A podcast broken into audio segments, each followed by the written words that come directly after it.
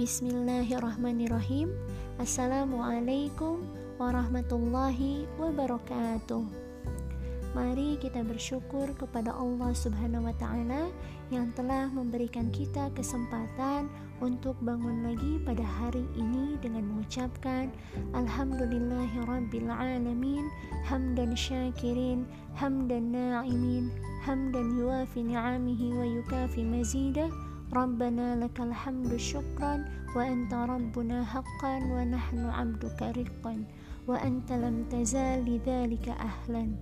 Tak lupa juga, mari kita bersalawat kepada Nabi Muhammad SAW dengan mengucapkan Allahumma salli ala nabiyyina Muhammad sahibil kitabil abqa wal qalbil atqa wal thawabil anqa wa ala alihi wa ashabihi ahli sidqi wat tuqa Selamat pagi ayah bunda, abah ambu dan aa teteh yang ulas asih Apa kabarnya hari ini? Semoga semuanya dalam keadaan sehat walafiat. Kembali lagi dalam serial podcast yang diambil dari buku Kitab Sakit Hati karangan Abah Irfan Amali dan Abah Irfan Nur Hakim. Subuh ini bersama Ambudila akan membahas tentang cinta dunia, yaitu dengki atau iri hati.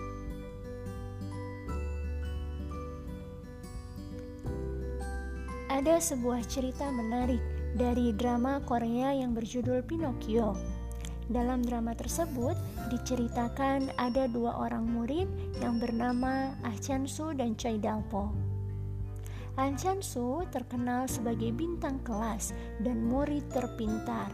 Sedangkan Choi Dalpo sebaliknya, dia terkenal sebagai murid yang selalu mendapatkan level atau posisi terakhir di setiap pelajaran.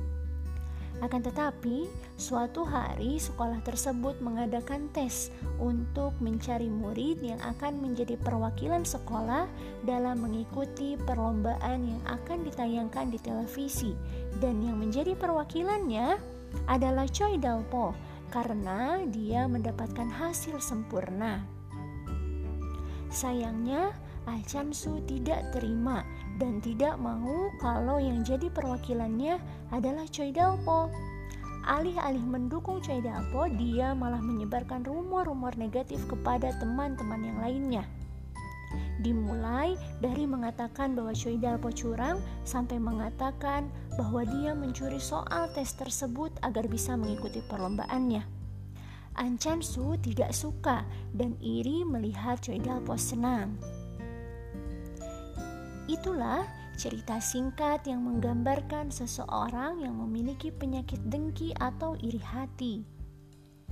Dengki itu susah melihat orang lain senang dan senang melihat orang lain susah.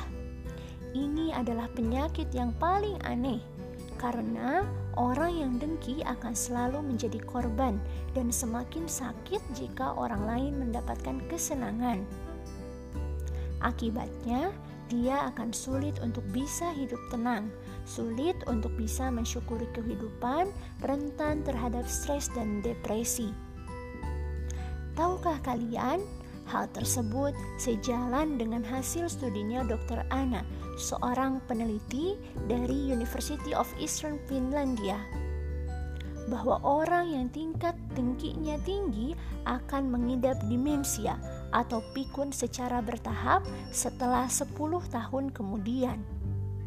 Sementara Dr. Shigeo Haruyama, seorang pakar kesehatan holistik, mengatakan bahwa orang yang dengki, otaknya akan mengeluarkan hormon racun yang merusak berbagai jaringan dalam tubuh manusia. Karena itu, yuk kita sama-sama cek kadar hati kita masing-masing. Apakah punya gejala-gejala orang yang terkena penyakit dengki?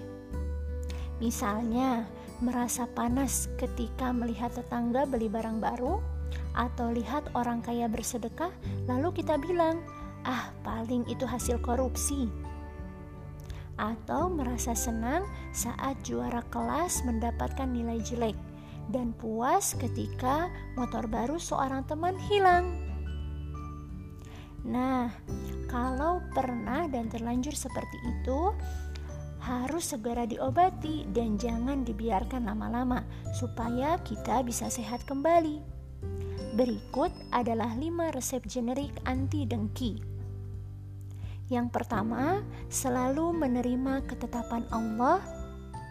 Yang kedua, menyadari bahwa dengki tidak akan mengubah apa pun. Yang ketiga, ingatlah bahwa hidup ini sementara. Yang keempat, perbanyak doa seperti yang tertuang dalam Quran surat Al-Hasyr ayat 10. Dan yang kelima, sibukkan hati dengan berzikir. Yang terakhir, apabila suatu hari kita melihat orang-orang yang mendapat kenikmatan atau kesenangan, Ambu mengajak semuanya untuk mendoakan kebaikan mereka dan mudah-mudahan kita selalu dilindungi oleh Allah Subhanahu wa taala dari penyakit dengki tersebut. Sekian dari Ambu, semoga podcast ini bermanfaat. Wassalamualaikum warahmatullahi wabarakatuh.